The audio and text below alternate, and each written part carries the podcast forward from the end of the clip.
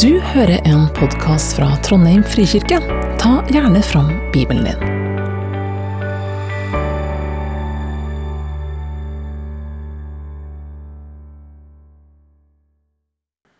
Den 22. juli 2011 ligger to ungdommer i skjul i skolestua på Utøya. De eh, ligger og er redd for livet sitt. De har hørt skudd, og de vet ennå ikke at utafor har det vært en stor massakre, men de aner det. Og der de ligger i frykt, så forteller de i etterkant at eh, de ropte ut til Gud. De var ikke de typene som sto med hendene i været på lovsangsmøte. De var ikke de som eh, flagga høyt med bibel og kors om at de var kristne på skolen. Men de forteller at eh, der lå de og prøvde å memorere Fader vår. Denne bønna som de har fått med seg hjemmefra eller i konfirmasjonsundervisning. Så ligger de og prøver å huske rekkefølga på bønnen i håp om at Gud ville i det minste gripe inn for deres del. Og de overlevde og kunne komme tilbake og fortelle om det. Andre gjorde ikke det. Men mest sannsynlig så var det ganske mange av dem òg som bedde. I en av de mest sekulære avkrokene i hele verden her i Norden, i Skandinavia, så sier bare, bare 30% at de, til, nei, at de tror på Gud. Men over 50% forteller at de har bedt det siste året. Og oss har det jo ganske godt. og hvis, hvis folk har vært i stor nød, hva har prosentandelen vært da? Hvis oss nå har vært i Ukraina, hvor mange av oss har da kommet til å bedt til Gud? Folk roper ut til en gud de tror på, eller sier de ikke tror på. Man kan nesten si sånn at alle ber. Og Noen ganger så får folk svar. Andre ganger er det ikke så tydelig å se noe svar. Bønn er et stort mysterium. Bønn er et stort privilegium. Og bønn er vanskelig. Så når jeg nå står her og skal snakke om det temaet her, så kjenner jeg på ganske mye ærefrykt. Jeg har grudd meg litt. Jeg har grudd meg litt, for jeg vet at her i rommet så sitter så mange ulike erfaringer. Erfaring av at Gud aldri svarer med, eller at jeg får ikke til det her med bønn. Eller kan ikke oss få gi litt mer plass til bønn i Trondheim frikirke? Kan ikke oss be litt mer sammen?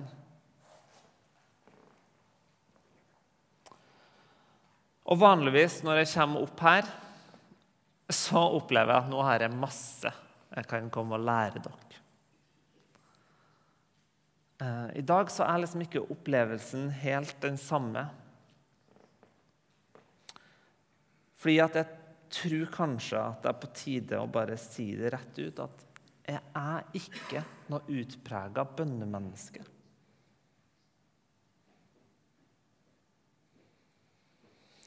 Jeg syns ikke bønn er så enkelt.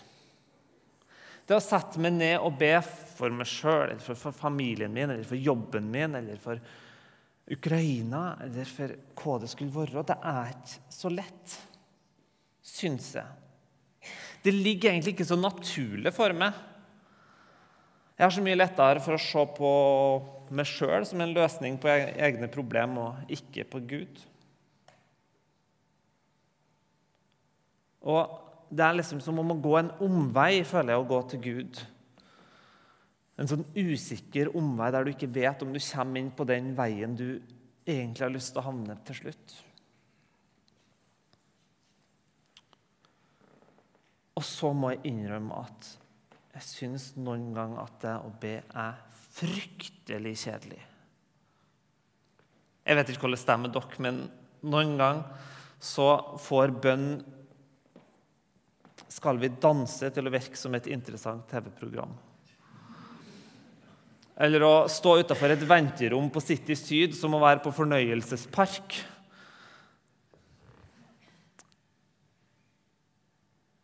Eller det å beise balkongen som et mye bedre alternativ enn den tida jeg nå sitter her for å tenke og be og lytte til Gud. Og Jeg tror det er en sånn beskyttelsesmekanisme noen gang for meg å gå i bønn og, og be. Tyler Staten, en pastor, han sier «Prayer is the risk of face, facing silence when we've grown addicted to noise». Det å be er å risikere stillheten når vi er avhengig av lyd av bråk. Og kanskje er du sånn som jeg. Jeg vet ikke. Jeg vet ikke hvor du er. Men denne talen her har jeg skrevet i stor grad til meg sjøl, i all ydmykhet. For hva, hva trenger jeg å høre for å oppmuntre meg i mitt eget bønneliv? For å oppmuntre meg til å sette av tida, til å stoppe opp de der få sekundene mens jeg venter på bussen eller er på vei til jobb, eller hva det er. Så jeg håper dere kan være med meg og lytte til hva jeg skal si til meg sjøl. Og jeg skal være litt personlig. Men hele utgangspunktet for talen er også fra Bibelen. Og eh, Det er to innledninger i Bibelen til Fader vår.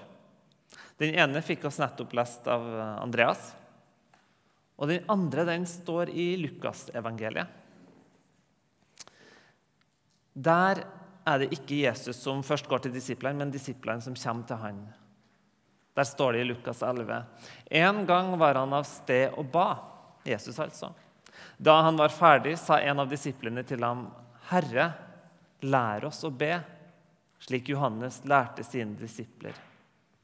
Han svarte, 'Når dere ber, skal dere si:" Og så kommer Lukas sin versjon av Fader vår, den litt forenkla versjonen. Lær oss å be. Og min bønn for, Trondheim frikirke og for oss denne tida framover nå er at vi skal kunne lære oss å be. Oss som strever litt med det. Og Jeg skal gjøre det litt i samtale med Ole Hallesby, indremisjonslederen, motstandsmann under krigen som skrev denne boka 'Fra bønnens verden til den trette beder'. En liten produktplassering for bokbordet ute i gangen der. Og dere som hører på podkast, kan bare komme hit til Trondheim frikirke på søndagene, så kan dere få kjøpe bøker, bl.a. denne i litt nyere versjon. Men til alvoret, fordi at bønn kaller fram gjerne litt alvor i oss. Og det er gjerne alvoret som kaller fram bønnen i oss. Jeg skal fortelle om en opplevelse jeg hadde i fjor. Det var sommerdag. En, endelig var det både, både, fri og sommer. Eh, ikke så mange dager av dem i Trondheim og Trøndelag. Da blir idyllen avbrutt av min søster, som kommer gråtkvart ut på gårdsplassen og sier at eh, mitt søskenbarn Ragnhild, eller vårt søskenbarn, er så syk, ligger på sykehus, at de ikke vet om hun kommer til å overleve. Og familien har blitt bedt om å komme inn til sykehuset for å kanskje ta farvel. Hun ble lagt inn for et døgn siden, overraskende nok, i 30-åra. Og plutselig så står det om livet. Og ingen av oss så det kom. Og hun som var alenemor og hadde mer enn nok å stri med, hun måtte gå gjennom det her. Og våre bønner og tanker gikk til familien. og vi prøvde som familie å samle oss og sette opp sånn bønnevakter, sånn at det hele tida skulle være bønn det neste døgnet. Så vi tok en time hver Eh, Betel menighet som hun går i, ble kalt sammen, og mange var med og ba. Noen av oss fasta og samla oss for, på bønnemøte og samla oss hjemme for å be. Og så kom min time. Vi var mellom fem og seks på ettermiddagen der jeg skulle be. Og Jeg husker jeg gikk ned på kne, for det var det eneste kroppen min klarte. Og jeg ropte ropt ut til Gud i to minutter, kanskje. Og så stilna ropa. Ikke fordi at, ikke fordi at jeg følte noen trygghet for at dette kommer til å gå bra, eller for at jeg ikke trodde på bønn, eller noe sånt, men jeg har ikke noe mer å si.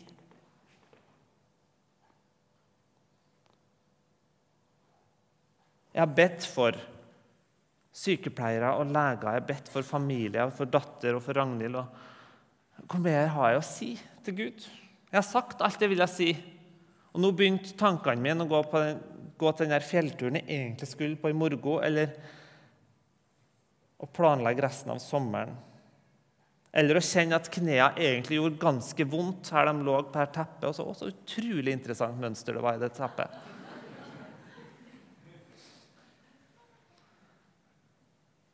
Og så kommer første tanke seg snikende. Ingebrigt, du burde ha klart bedre. Du er profesjonell kristen. To minutter bønn. Er det alt du makter? Det er greit nok å slite og be liksom, når du ber om de faste tingene. Du ramser opp det som står på bønnelista. eller liksom, Da kanskje en kan kjede seg litt. Men når du ber for din dødssyke kusine Burde ikke du da klare å hoste opp litt flere ord? Burde ikke du da klare å be litt mer hjertelig?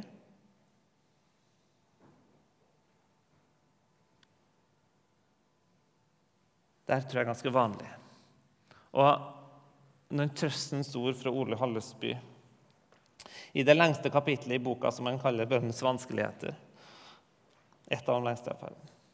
Så sier han å be er intet mer innviklet enn å legge seg i nådens sol og bre sin sjels og legems nød ut i det legende lys som med sine undergjørende krefter avvæpner og innkapsler alle syndens bakterier.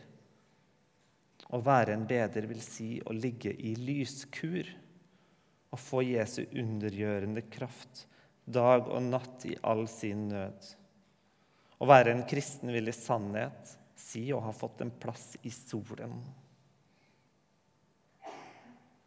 Å være en bedre vil si å ligge i lyskur.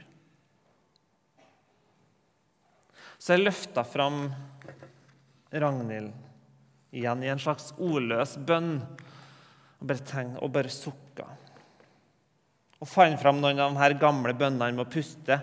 Puste med 'Jesus Kristus, Guds sønn, miskunn deg over meg', eller 'miskunn deg over Ragnhild'. Og Jeg måtte avvise mange tanker om strategiske valg på jobb, eller hva jeg skulle bruke denne uka til, eller hva det var. Jeg måtte jobbe litt. Og noen ganger så tror jeg vi må skjerpe oss litt. For bønn er ikke først og fremst godt, det er viktig. Men så kommer ganske fort neste tanke snikende. Kanskje ikke be riktig? Kanskje jeg må be med de riktige orda? Kanskje jeg må påkalle eller befale sykdomsånden ut? Kanskje hvis jeg bruker liksom den og den formuleringa, da kanskje jeg overtaler Gud? Da kanskje en hører noe en ikke har tenkt på før. Og nå I ettertid så kan jo den, den tanken virke ganske latterlig, men der og da så oppleves den meget reell.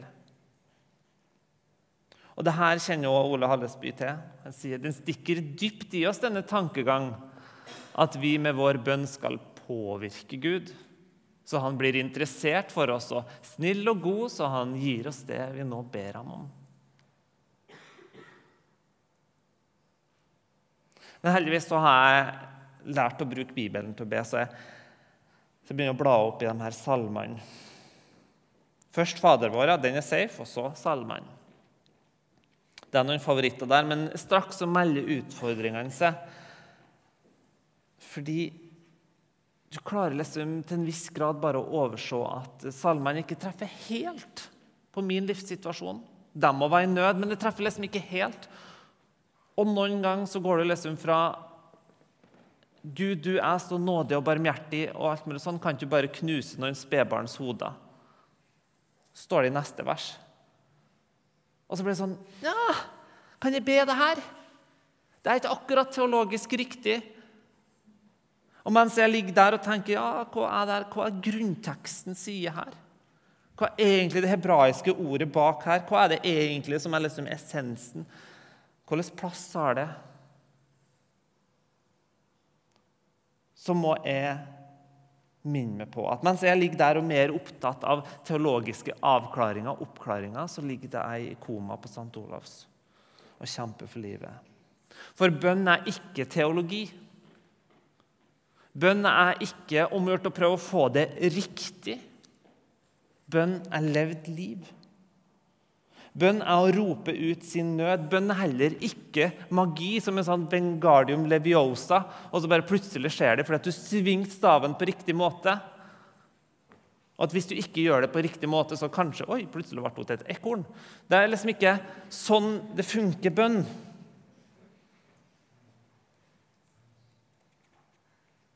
Og da kommer kanskje et tredje tanke. da. Men nytter det i det hele tatt, da? Hvis det ikke handler om formuleringene mine eller liksom sånn, Gud vet jo hva jeg kommer til å be om. Han har jo allerede tenkt ut det. Han vet òg om han kommer til å svare eller ikke. Han er jo allmektig. Virker det da?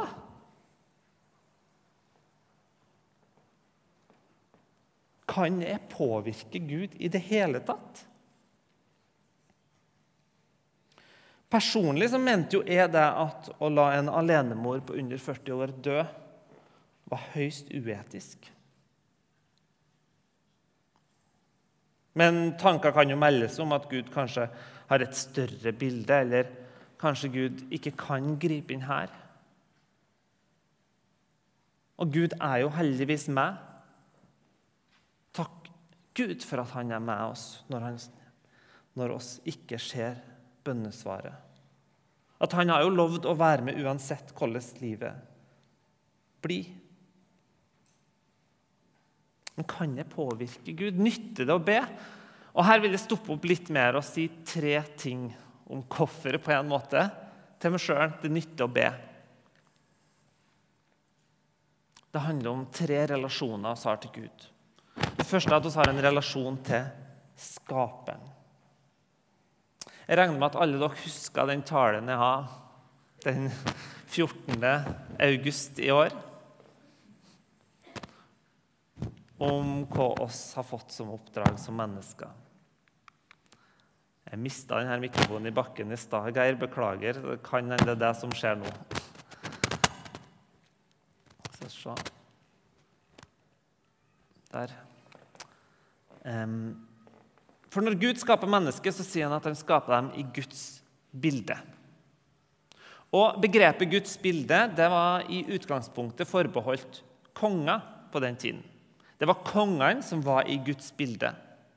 Så si, når, skapt, nei, når, når, Bibelen sier at han skapte mennesker i Guds bilde, så er det en ganske modig påstand.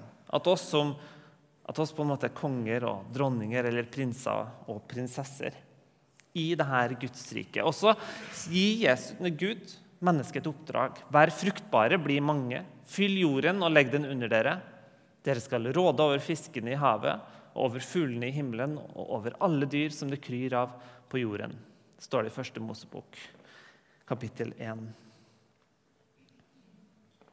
Og her er det på en måte Gud som gir oss mulighet til å være med som medforvaltere i Guds rike. Som jeg sa, så står det ikke i Bibelen at Gud skapte et perfekt skaperverk, men et veldig godt skaperverk. Så oss har mulighet til å være med her på Guds plan. Og det tror jeg er en del av det vi har fått muligheten til i bønnen. Se for deg TV-serien West Wing eller en eller annen, annen TV-serie der du ser en politiker eller en mektig person går nedover gangene, så springer det folk rundt den, rådgivere, som sier du må gjøre det, du må gjøre det, du må gjøre det. Og det er litt den rollen oss på en måte har fått.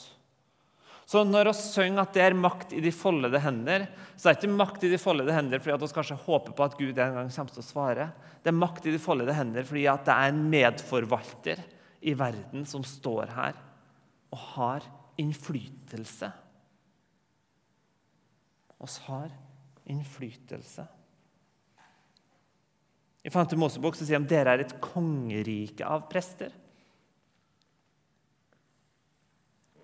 Også mennesker som har fått en rolle av å være med på Guds skapelse, på Guds plan inn i verden. Men vi har òg, som Jesus sier, en relasjon til en venn. Dere som bladde opp i stad på Lukas 11, dere kan bla til rett etter Fader vår der, så står det Så sa han til dem Sett at en av dere går til en venn midt på natten og ber ham, Kjære, lån meg tre brød. En venn som er på reise, er kommet til meg, og jeg har ikke noe å by ham. Tror dere da han vil svare der innenfra, ikke forstyrr meg. Døren er alt stengt, og både barna og jeg er i seng. Jeg kan ikke stå opp og gi deg noe. Nei, jeg sier dere, om han ikke står opp og gir ham det for vennskaps skyld, vil han i alle fall gjøre det fordi han er så pågående, og gi ham alt han trenger. Nå bare la seg, og dere fikk ikke på teksten der. Det er litt interessant at Gud sammenligner seg med en sånn en som ligger og sover, og så kommer det noen og maser på han, og så gir han etter fordi at noen maser. Tenk at Gud er en vi kan mase på. Jesus er svært bevisst på at de som ønsker å følge ham, ikke først og fremst er hans tjenere, men hans venner. Og Det er fascinerende hvordan Jesus her snakker om at Gud gir etter. Hvis vi leser gjennom Gammeltestamentet, så ser vi flere og flere ganger da Gud har planer om noe, men så ber noen til ham, så endrer han planer. Han skifter mening, står det i Bibelen. Og nå er det kanskje noen som rykker til. Gud skifter mening. Og Da mener jeg liksom ikke at en skifter mening om sånn at nå plutselig så syns en at rasisme er greit. Det er ikke det jeg tenker. For Gud han holder seg alltid til den standarden som han har satt. Men det er tydelig i Bibelen at Gud han lar seg Han hører på. Han endrer litt hva han har tenkt å gjøre. Så de som tror på en Gud som er den ubevegelige beveger, den som ikke forandres eller ikke kan påvirkes, eller noen ting, den har lest mye mer i X-Fill-boka enn den har lest i Bibelen. Det bildet har oss fra filosofi, ikke fra Bibelen. For i Bibelen så lytter Gud når Abraham roper ut for Sodoma og Gomorra, eller når kongen i Ninive vender om fra sin onde vei så stopper Gud planene om å ødelegge byen. Og det står at Gud angrer. Så Gud lytter. Men la, meg understreke igjen det som ble sagt tidligere. Selv om oss maser, så handler det ikke om at vi kan prestere bønn. Selv om oss på en måte kan påvirke Gud, så handler det ikke om hvordan oss ber, men det handler om at vi ber.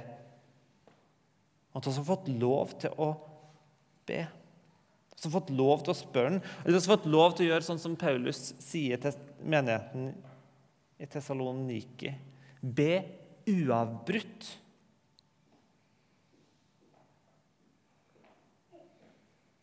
Og Den tredje relasjonen vi har til Gud, som er en av grunnene til at vi står her spesielt i dag, er at vi har en relasjon til Gud som far. Les oss videre fra Lukas 11, så står det Finnes det en far blant dere som vil gi sønnen sin en orm når han ber om en fisk? Eller gi ham en skorpion når han ber om et egg? Når selv dere som er onde, vet å gi barna deres gode gaver, hvor mye mer skal ikke da Far i himmelen gi Den hellige ånd til den som ber ham om det? En liten, altså, Jesus er noen gang morsom. Det er bare ikke så lett for oss i, Norge i dag å plukke det opp. Men her var han egentlig morsom. Um, Francis Chan, kjent forkynner, sa hvis du stopper opp i starten av bønna di og bare tenker litt på hvem det er du ber til, så vil det revolusjonere bønnelivet ditt. Hvis du stopper opp litt i begynnelsen av din bønn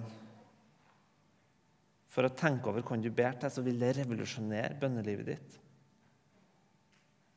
Og Han skulle tro at det er Jesus han har hørt på, for den første bønna i Vår Far er jo nettopp 'Vår Far i himmelen'.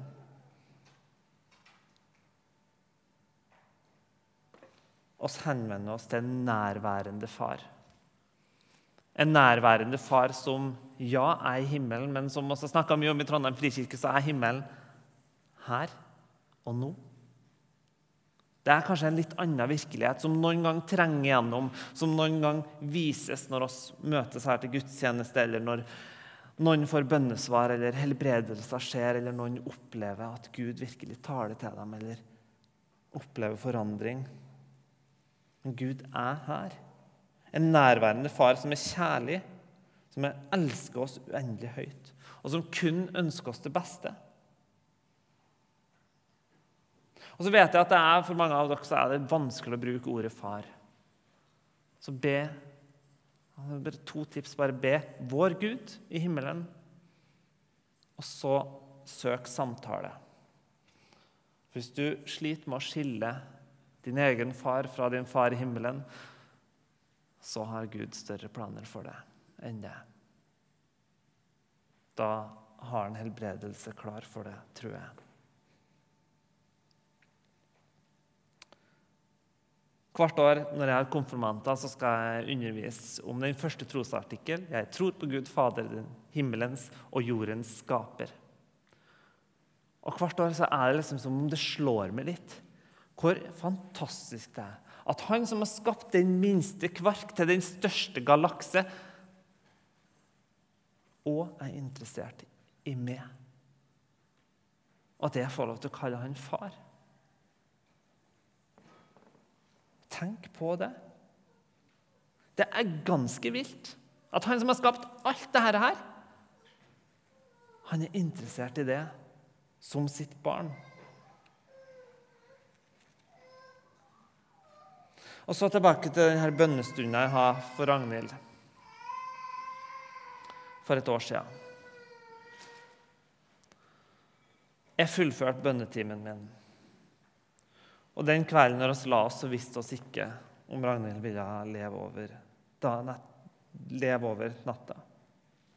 Familien har fått beskjed om å ta farvel. Vi visste ikke hvordan det skulle gå, men oss ba. Oss ba sånn som oss greide. Og denne gangen så svarte Gud.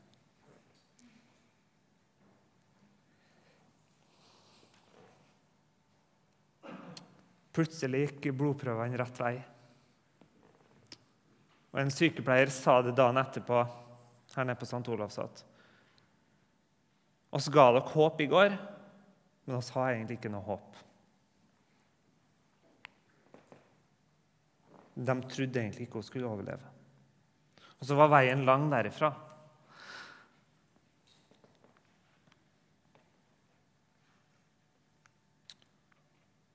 Kanskje var det at det var mange som ba, som hjalp. Jeg vet ikke. Kanskje har Gud en plan om det allerede. Og jeg vet at bare den bønnestunda betydde utrolig mye for mange.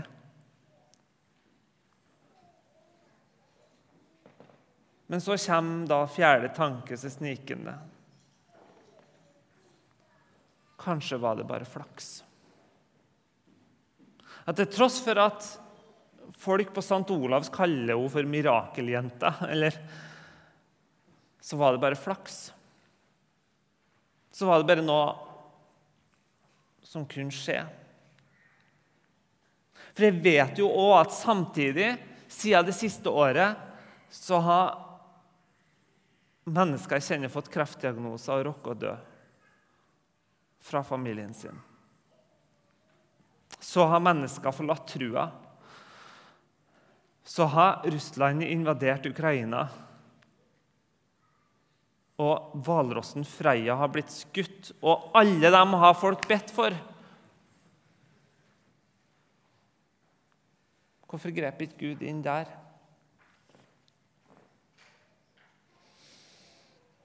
Og jeg vet ikke hvorfor. Det eneste vi vet, som Bibelen er veldig tydelig på, at Gud er en Gud som skriker sammen med dem som skriker. Som er sint når urett blir begått, og som en dag skal gjøre alt rett. Men vi vet ikke hvorfor Gud noen gang griper inn. og Den eneste som har fått beskjed om, er å be. Så kan jeg med all min skepsis og mistrohet og alt sammen prøve å forklare bort det miraklet. Jeg kan alltids finne ting som argumenterer mot at det var et bønnesvar. Det er ikke noe problem i det hele tatt. Men det er et valg, det òg. På samme måte som det er et valg å tro på at det faktisk skjedde. At Gud faktisk valgte å gripe inn.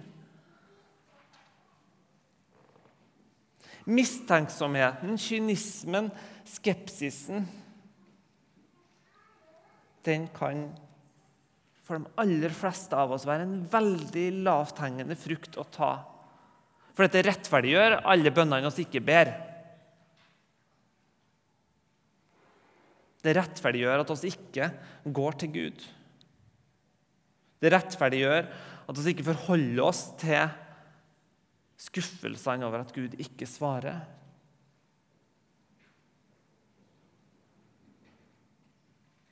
Jeg bare håper at oss i Trondheim frikirke nå framover kan oss legge den skepsisen litt til sides. Den er nær nok for plenty av oss. Så kan vi få lytte og høre på alle som har fått bønnesvar, og glede oss med dem. Kan vi velge troen sammen og velge å lytte og glede oss? Og til du som har mange bønnesvar og stor glede og begeistring for bønn. Kan du dele den med oss? Kan du dele den på kirkekaffen, i smågrupper, eller kanskje snakke med noen av oss pastorene eller oss som sitter frampå her, om du skal fortelle om det her fra scenen? For oss, trenger det. Oss trenger å oppmuntre hverandre til å gå inn i den tjenesten er kalt til å være medforvaltere i Guds rike.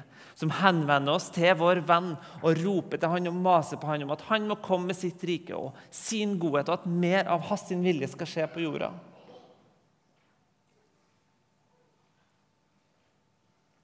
Noen av oss trenger å lære å be, og jeg er en av dem. For jeg har ikke en tale om vanskelighetene med å be for at dere skal få god, eller oss skal få god samvittighet over, over at oss ikke ber. Jeg har det fordi at jeg ønsker, og jeg tror at oss er kalt til å få lov til å oppleve velsignelsen og gleden og privilegiet i å få lov til å be til vår Far. For når Jesus skal lære dem å be, hva gjør han da? Hva gjør Jesus når de kommer og sier 'lær oss å be'? Han sier 'be'. Be den bønna her.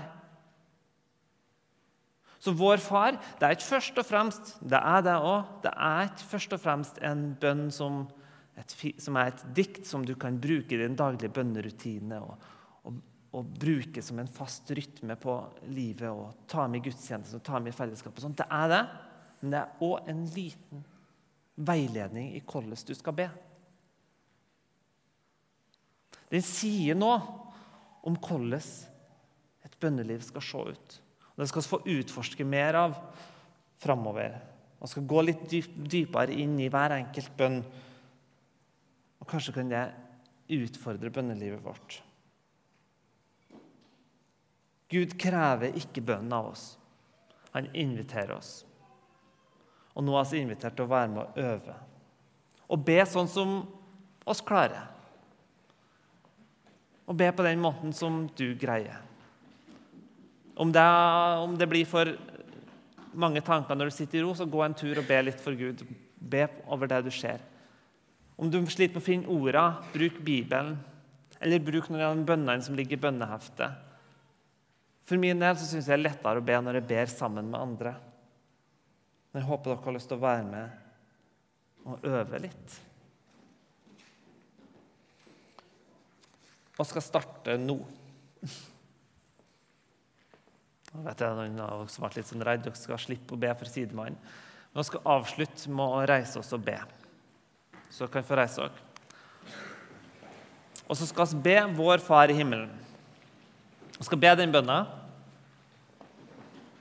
Dere kan den så godt at um, vi skal be den første bønna i Vår Far i himmelen sammen.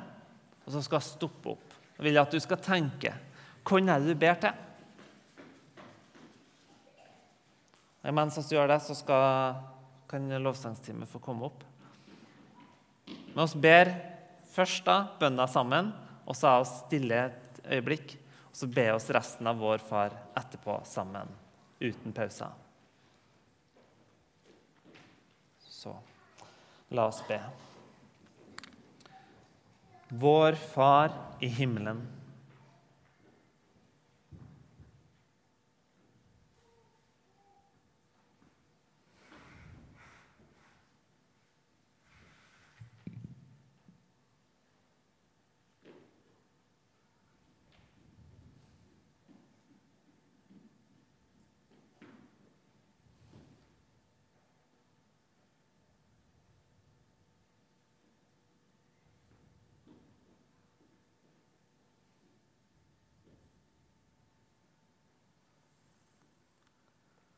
La navnet ditt helliges. La riket ditt komme. La viljen din skje på jorden slik som i himmelen. Gi oss i dag vårt daglige brød, og tilgi oss vår skyld, slik også vi tilgir våre skyldnere. Og la oss ikke komme i fristelse, men frelse oss fra det onde. For riket er ditt, og makten og æren i evighet. Amen.